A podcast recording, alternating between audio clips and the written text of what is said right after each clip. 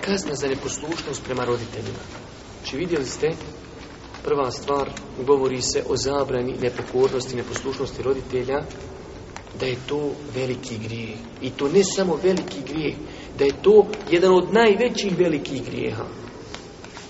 Pa smo onda vidjeli primjere imama Buharije kroz hadise vjerodostojne da je znači onaj proklinjanje roditelja veliki grijeh i da je prokljestvo Allahovo na onoga ko proklinje svoje roditelje.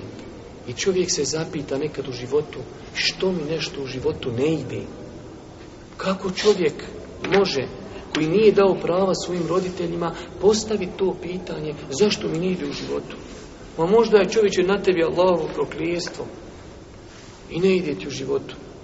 Znači, čovjek treba prvenstveno se preispita svoj odnos prema roditeljima, jer su oni, znači, kao što smo spomenuli, neprestano, nakon prava Allah subhanahu najveća prava imaju naši roditelji kod nas. Nažalost, rekli smo, nerijetko nam se dešava da ljudi u društvu se lijepo ponašaju, imaju lijep moral, imaju lijepo ponašanje, obilaze prijatelja, obilaze, imaju vremena za svakoga, hajde na kafu, idem na kafu, hajde na sastanak, idem na sastanak, ali kad babo nazove, dođi, trebaš nešto raditi, Može li sutra, što baš ja, što nisi onog starijeg zovnu, imaš čerku, što ona ne dođe iz Austrije, što moram ja dolaziti ovda i tako. Znači, braću moja draga, pravo roditelja je veliko do te mjere, znači da smo vidjeli da je čak indirektno vrijeđanje i psovanje roditelja veliki grije. Indirektno. Da ti uzrokuješ da ti neko uvrijedi oca ili majku, znači da, da je to veliki grijeh. I na kraju, znači imam Buhari, rahmetullahi alihi, onaj završava ovu poglavlje hadisom, vjerodostojnim hadisom, također opet od Ebu Bekrata, radijallahu ta'ala anhu, što je Albani potvrdio vjerodostojnost ovog hadisa, da je kazao Allahu poslanik alihi salatu wasalam, ne postoji nijedan grijeh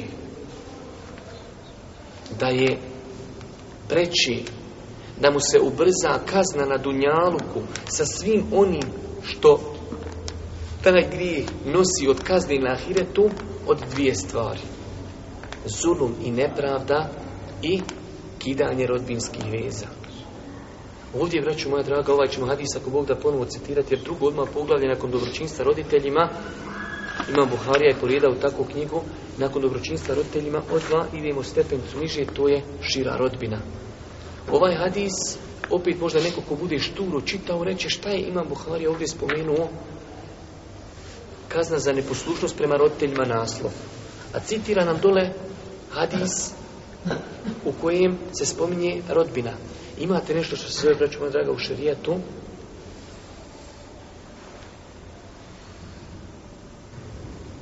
Prioritetnije od onoga što je spomenuto.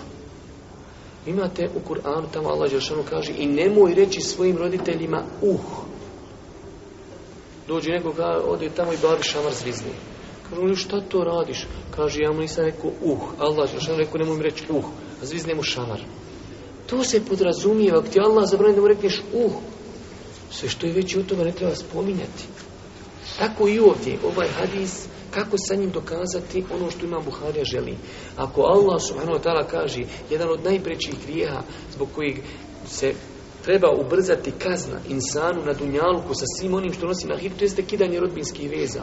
Ako taj grije kidanje rodbinskih veza je na tom stepenu i da a rodbinske veze su dalje od roditelja, onda oni koji su prije rodbinske veze i dalje, znači, svakako su prioritetni da potpadaju pod ovaj propis i kidanje rodbinske veze sa roditeljima i nepoštovanje roditelja svakako potpada pod ovaj hadis, prioritetni, kao što smo prije kazali za ovaj udarac. To je logika stvari, znači, braćo moja draga, da čovjek koja laže vam kaže u Koranu, nemoj reći ni uh, to ne pod, nikako ne dolazi u obzir udarac. Čak što ne smiješ uzdant, uh. Tako i ovdje.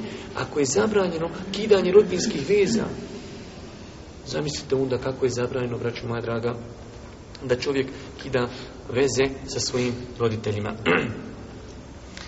Mi ćemo u nastavku Svakako ovaj Adis također potvrđuje ono što smo malo prije kazali, da grijesi nosi sa sobom i dunjalučki i ahiretski kazne.